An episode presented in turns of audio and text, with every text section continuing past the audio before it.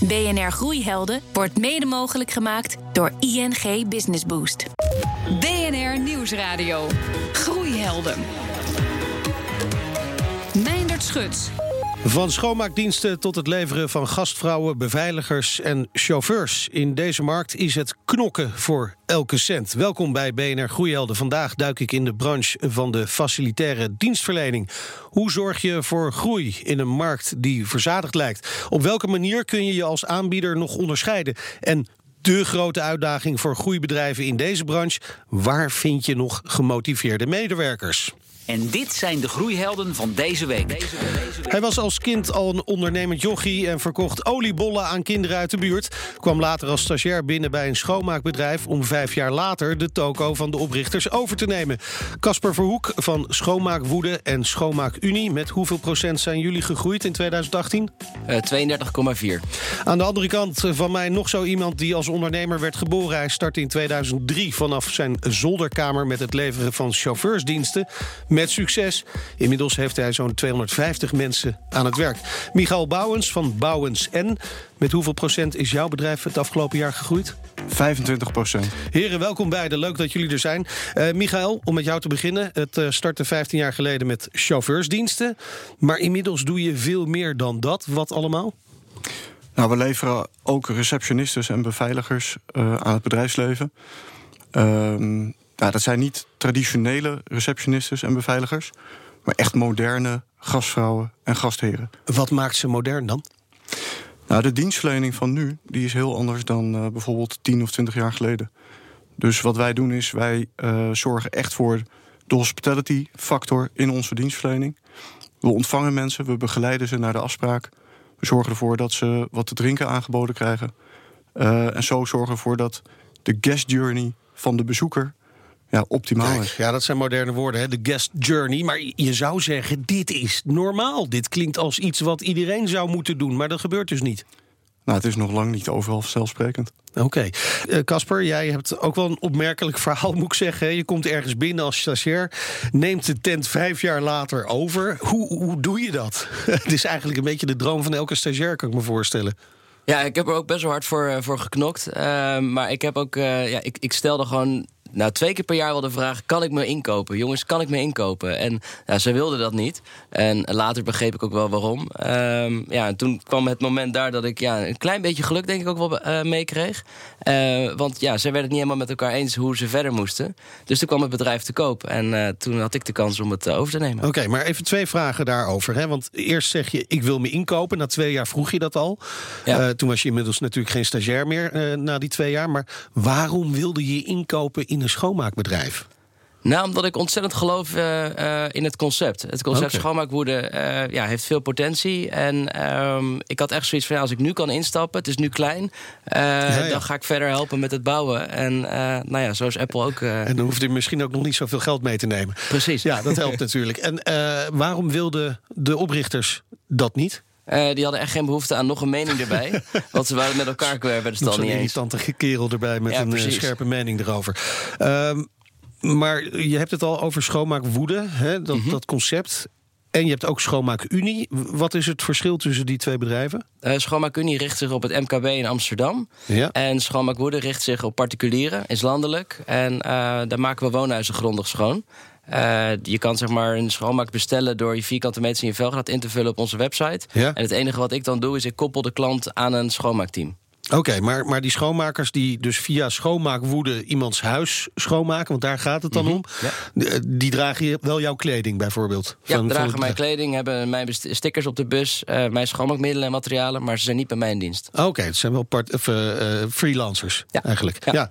Uh, en, en, maar mensen die hun huis door professionals laten schoonmaken, is daar dan veel vraag naar? Want ik kan me voorstellen dat heel veel mensen gewoon ja, dat met papiergeld, hè, zwart doen. Nou ja, Nog kijk, altijd. Een paar uh, tientjes. Ja, nou, ik, uh, ik wil me daar natuurlijk niet direct mee vergelijken... want wij maken gebruik van professionele middelen en materialen. Uh, dus wij maken echt na een verhuizing of een verbouwing... Uh, maken wij je huis grondig schoon. Of zoals nu een voorjaars, ja, ja. voorjaarsschoonmaak is nu erg in trek. maar wat ik wel zie ontstaan is dat veel mensen... vier keer per jaar ons bestellen... en het vervolgens dan zelf gaan bijhouden. Ah, okay. dat scheelt hun geld. En ze weten altijd dat er een goed persoon is die betrouwbaar is. Dat is dan mijn team. En ja, de mensen met papiergeld die verdwijnen nog wel eens of komen niet meer. Of, nou ja. ja, en, en eh, je zegt al, je gebruikt dus ook andere middelen dan wij gewoon in de supermarkt kunnen krijgen. Ja, zeker. Ja, wij kunnen een badkamer uh, een stuk sneller en beter schoon krijgen dan uh, dat dat met supermarktmiddelen okay. kan. Michael, jij bent nu 15 jaar actief in de markt van facilitaire dienstverlening. Hè? Die markt uh -huh. die is ook wel gekrompen in de crisis, kunnen we wel stellen. groeit nu een paar procentjes per jaar. toch haal jij al jaren dubbele groeicijfers, hoorden we net ook al. Hoe, hoe doe jij dat dan? Ja, dus je vraagt eigenlijk naar het geheim van mijn ja, succes. precies. En dat mag ik nu zo even vertellen ja, op de radio. Zodat iedereen het lekker kan doen. ja, ik, ik, ik wil dat heel graag vertellen hoor. Want het is eigenlijk heel erg simpel. Uh, wij zetten uh, de beste mensen in. Dus al onze activiteiten zijn erop gericht... dat wij de beste mensen leveren aan onze opdrachtgevers. En daar doen we gewoon geen concessies aan. Geen concessies. Dus op het moment dat je die mensen niet hebt... dan heb je dus ook geen opdracht binnen. Nou, het is, het is dus zo dat wij constant op zoek zijn naar goede mensen, naar de ja. beste mensen. Um, maar we, ja, we, we, stemmen wel met de opdrachtgever af ja, wat, wat de situatie is. Ook op de arbeidsmarkt natuurlijk. Uh -huh. En als wij bijvoorbeeld later kunnen beginnen aan een nieuwe opdracht, omdat ons dat beter uitkomt met de recruitment, ja. ja dan zullen we dat zeker doen. Want, okay. we, willen, want we willen nooit concessies leveren. Maar, maar uh, gaan bedrijven daar dan mee akkoord? Willen ze zo graag met, met jouw bedrijf in zee dat ze zeggen van nou oké, okay, als we een half jaar later kunnen beginnen met, uh, met, met, met jou, dan doen we dat ook? Nou, je hebt het niet over een half jaar, je hebt het over okay. misschien een paar maanden. Oké, okay. dat dus valt te overzien. Dat komt vaak wel uit. Ja, ja, ja, ja. Hoe komen die bedrijven eigenlijk bij jou terecht? Ja, omdat ze ons uh, zien in de markt. Dus het, heel, het mooie van onze dienstverlening is dat als je ergens binnenstapt en je wordt ontvangen door onze mensen, dan heb je dat eigenlijk niet door. Want het lijkt alsof je wordt ontvangen door de mensen van het bedrijf waar je dan op bezoek bent. Ja. Uh, maar men weet ons in de markt wel te vinden. Dus de facility managers in Nederland, ja, die spreken elkaar. Uh, en dan vraagt de een aan de ander van waar regel jij dit soort diensten? Ja, en dan kunnen ze bij ons uitkomen. Dat hoop ik natuurlijk. Ja, maar het gaat natuurlijk ook vaak via tenders. Hè? En dan moet je ook opboksen tegen grote bekende namen als uh, Trigion, uh, G4S. Hoe, hoe overtuig je opdrachtgevers om met jou in de zee te gaan? Want ze kunnen wel uh, luisteren naar je verhaal en dat jij de beste mensen hebt. Mm -hmm. Maar dat moet je ook bewijzen.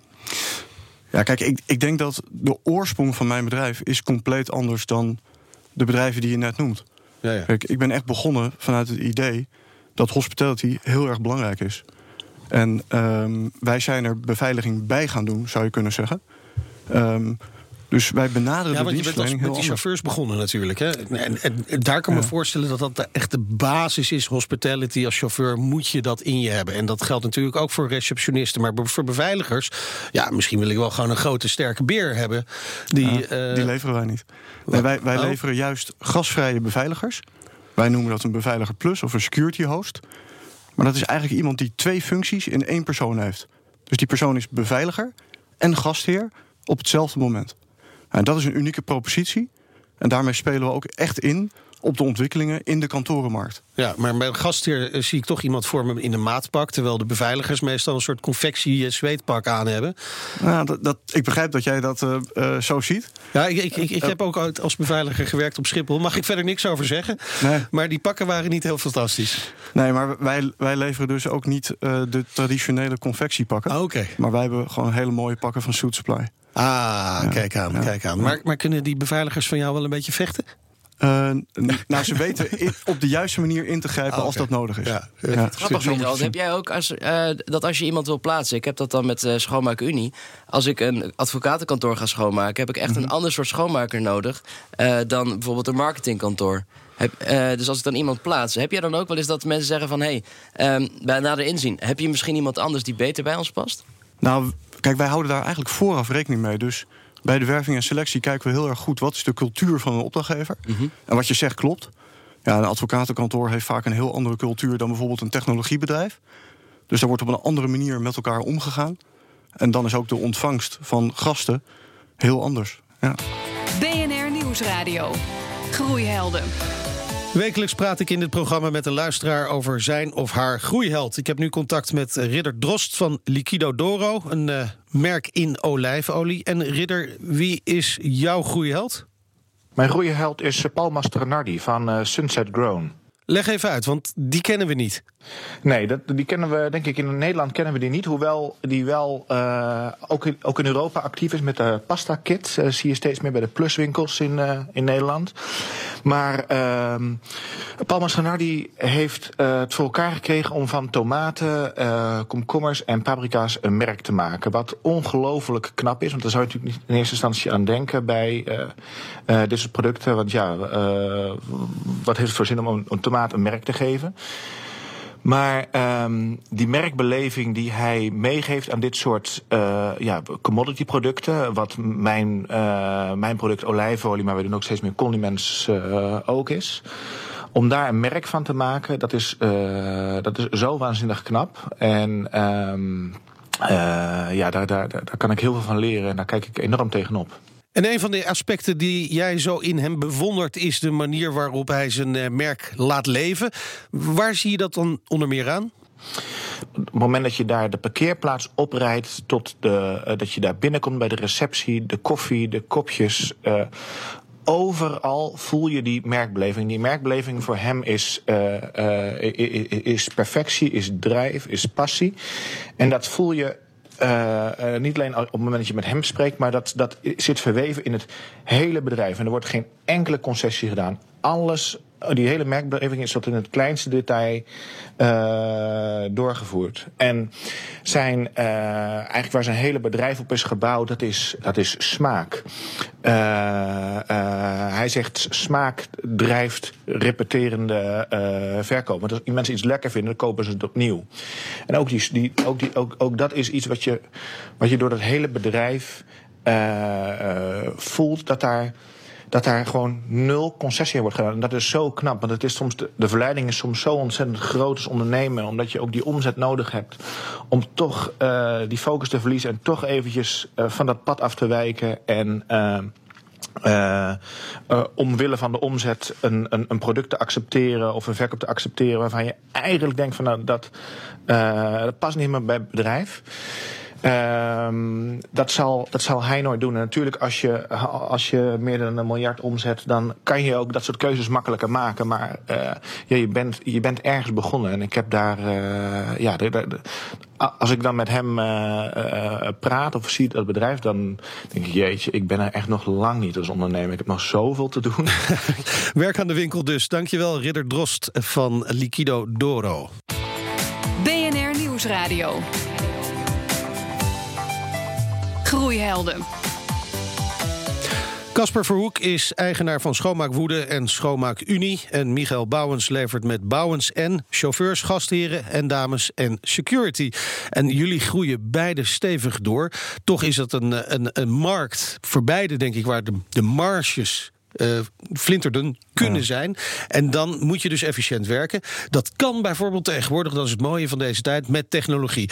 En Casper, uh, jij bent met een speciale app bezig te ontwikkelen om alles nog efficiënter en beter te doen. Ja, nee, dat, dat klopt. Mijn, uh, uh, ik ben een app aan het ontwikkelen voor de medewerkers. ze hebben inmiddels bijna ook allemaal een smartphone. waarmee ze dus op locatie op start kunnen drukken en op stop.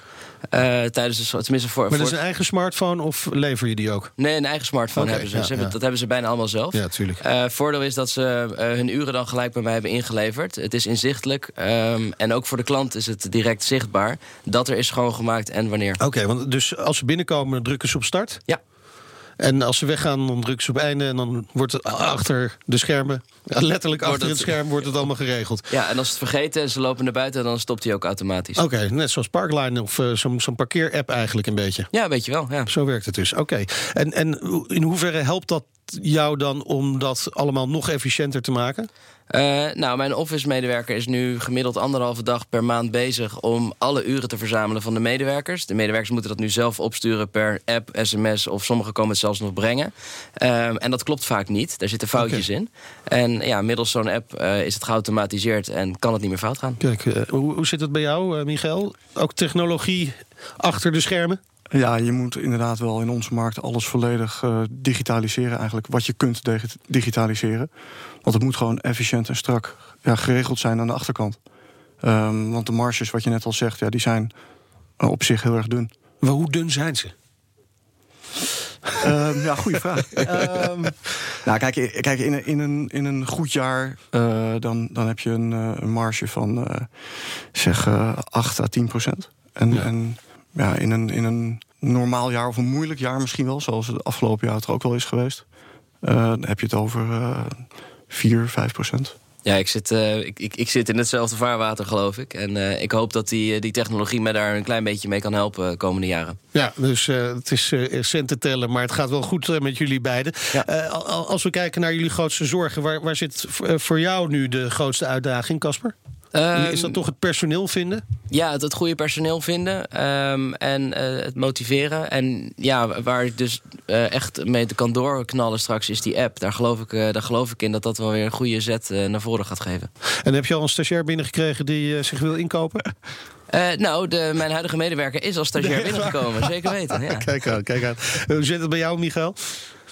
Uh, nou, wij hebben niet een stagiair die uh, het bedrijf wil overnemen als je dat bedoelt. Dat weet je anders nog niet misschien. Maar Kom misschien komt dat nog. Maar ja, dat uh, het vinden van personeel, is dat inderdaad ook voor jullie de grote uitdaging? Want je moet, jij moet ze ook nog misschien nog wel meer opleiden dan dat het voor Casper geldt. Ja, dat klopt. Wij leiden ze inderdaad op. Maar ik denk dat het van alle tijden is dat het moeilijk is om goede mensen te vinden. Dus dat speelt nu, nu de arbeidsmarkt krap is. Ja. Maar ik zeg altijd, ja, goede mensen werken, dus die hebben een baan. Ja. Dus, die, ja, dus die je moet ze ergens anders wegtrekken eigenlijk. Daar komt ja, het op neer. Je, je moet ze zien uh, los te weken. Ja. Um, dus je moet ervoor zorgen dat je aantrekkelijk werkgeverschap biedt. Uh, dat je mensen niet alleen gewoon een goede beloning geeft. Dat is primair, denk ik, belangrijk. Maar daaromheen moet het ook gewoon kloppen. Dus wat Casper zegt, uh, uitjes voor je personeel. Ja, wij doen dat ieder jaar met bijvoorbeeld een summerparty die we organiseren. Maar ook kleine attenties bij verjaardagen. Kijk. Of als iemand een kwartaal niet ziek is geweest, krijgt hij bij ons een bol.com bon. Wauw. Um, ja, en zo maak je het wel uh, aantrekkelijk voor de mensen om ja. bij je te blijven werken. Ja, precies. Dat is belangrijk om bij je te blijven werken. Je moet ze binnenhalen, maar je moet ook zorgen dat ze bij je blijven werken. Ja. Dat ze niet naar een ander gaan. Uh, nou, nou, hadden we het net over die technologische ontwikkeling. Hè? Uh, dat is super handig, daar kunnen jullie gebruik van maken met apps.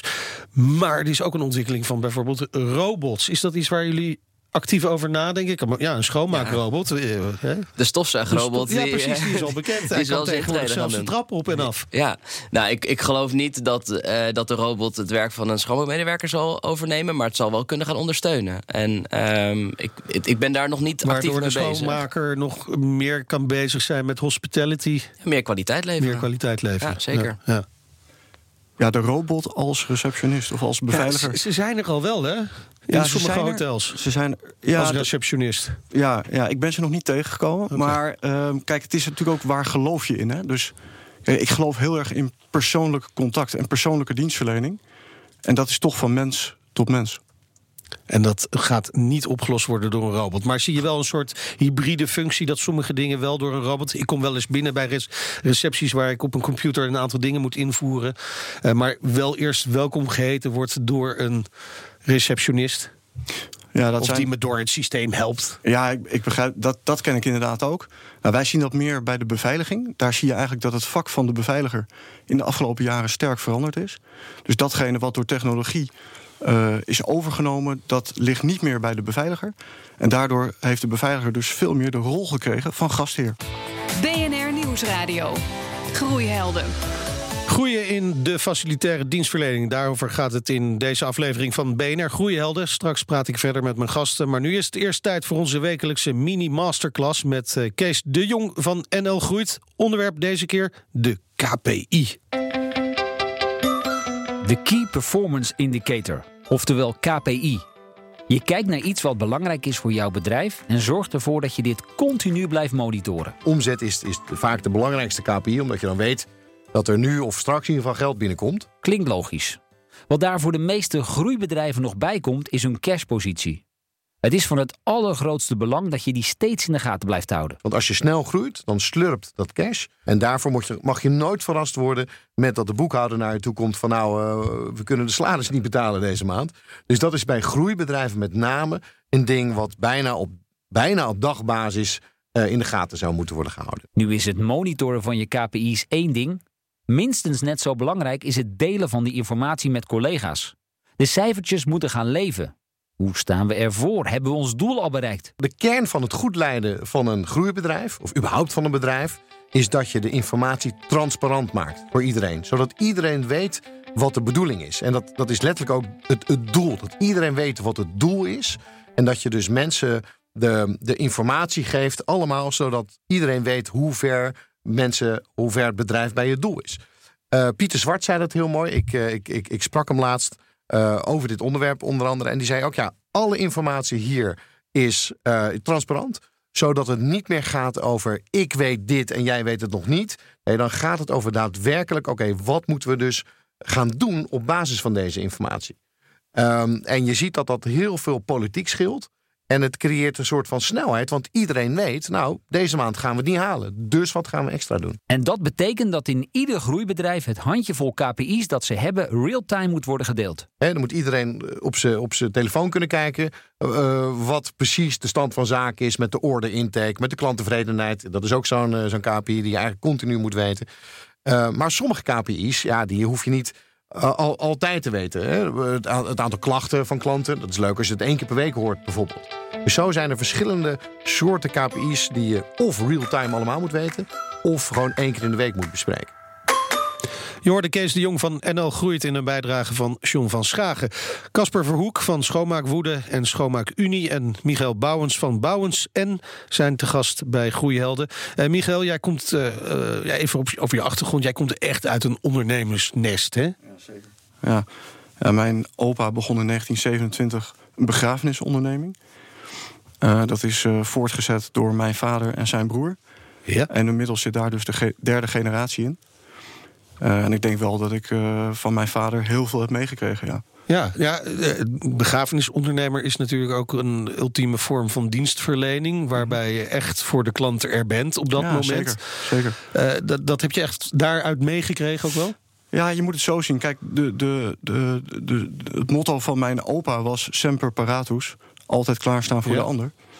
Ehm, dat is misschien wat, wat oudbollig, maar ja, wij hebben dat vertaald naar verliefd op service Oh ja. in mijn bedrijf. En ehm, ja, dat zit wel in mijn bloed, ja. En dat, dat is ook eh, misschien wel de belangrijkste eh, ondernemersles die je dan hebt meegekregen. Nou, wat ik, ik heb heel veel van mijn vader meegekregen, maar eh, met name van hoe moet je dienstverlening echt organiseren en hoe ga je om met mensen. Ja. Wilde je zelf eigenlijk niet, want je zit zelf dus niet in het bedrijf. Eh, Nee. Wilde je het niet overnemen? Nou, die mogelijkheid eh, bood zich min of meer aan toen ik begin twintig was. Ja. En ik vond mezelf toen te jong om, eh, om op dat vakgebied verder te gaan. Ja, dus, dus heb je uiteindelijk, je bent eerst doorgegaan met studeren, begrijp ik Ja, bijvoorbeeld. ja. En eh, uiteindelijk heb je dus eigen weg naar het ondernemerschap gevonden. Eh, Casper, jij was vroeger ook wel een ondernemer-typje. Ja, Dat, ik- dat zit wel echt in het bloed bij jullie allebei. Ja, ja, zonder dat je het denk zelf door hebt. Maar eh, ja, ik had bedacht om eh, voor de buurt oliebollen te gaan bakken. En dat, Waren ze ook lekker? Nou, het eerste jaar niet zo. Dus ik, ik zag ook dat het eerste jaar iedereen die nam er vijf bij ons, of, of, de, of, of tien max. En het tweede jaar namen ze er twintig tot dertig. Oké. Dus moesten we ook een extra frituurpan aan gaan schaffen en zo. Ik wist niet wat me overkwam toen, maar Nee. ja. Ja, maar goed, wel uit die oliebollenbranche gestapt uiteindelijk. ja, dat wel. Ja, maar eh, hoe, hoe gaan jullie er beide voor zorgen eh, dat jullie ook de komende jaren blijven groeien? Hè? Want jullie hebben allebei aangegeven, het grote probleem is het vinden van personeel. Casper, hoe, hoe ga jij dat doen? Is dat echt met name die inzet van technologie? Ja, zeker inzet van technologie. En ehm, ik werk ook met partners. En die partners ben ik nu ook meer onder druk aan het zetten. eh, dat zij verplicht extra teams moeten gaan leveren. Eh, omdat, we anders, eh, omdat ik anders door moet gaan zoeken. En Ja. ik merk dat dat ook wel zin heeft. Kijk aan, dus dat gaat in ieder geval op die manier doorgroeien. En jij, Michael? Nou, ik denk dat wij blijven focussen op goed werkgeverschap. Ik denk dat dat voor ons heel erg belangrijk is in deze arbeidsmarkt. Dus echt wel de juiste talenten aan ons blijven binden. Dat Ja. blijft belangrijk. Ja. En blijven jullie wel eh, gewoon in Nederland actief? Of is er een moment dat jullie ook zeggen van nou, Ja, ik heb wel deze manier van werken? Ja, Ik precies. heb wel een droom. Maar dan moet ik wel nog een aantal stappen gezet hebben. Maar ik zou het geweldig vinden om ooit nog een keer in New York te Kijk. ondernemen. Ja. Kijk, mooi. Ik heb eh, één voet al in Antwerpen staan. In Antwerpen, kijk aan. Nou, heel veel succes met eh, deze mooie plannen. Dank jullie wel. Casper Verhoek van Schoonmaak Woede en Schoonmaak Unie. En Michael Bouwens van Bouwens en. Terugluisteren kan op Spotify, in iTunes en in de BNR-app. En daar vind je ook onze andere afleveringen en podcasts over groei. Volgende week zijn we er natuurlijk weer. Dan met de directeuren van twee leasemaatschappijen over competitieve markten gesproken. En tot die tijd zeg ik, lekker blijven doorgroeien. BNR Groeihelden wordt mede mogelijk gemaakt door ING Business Boost.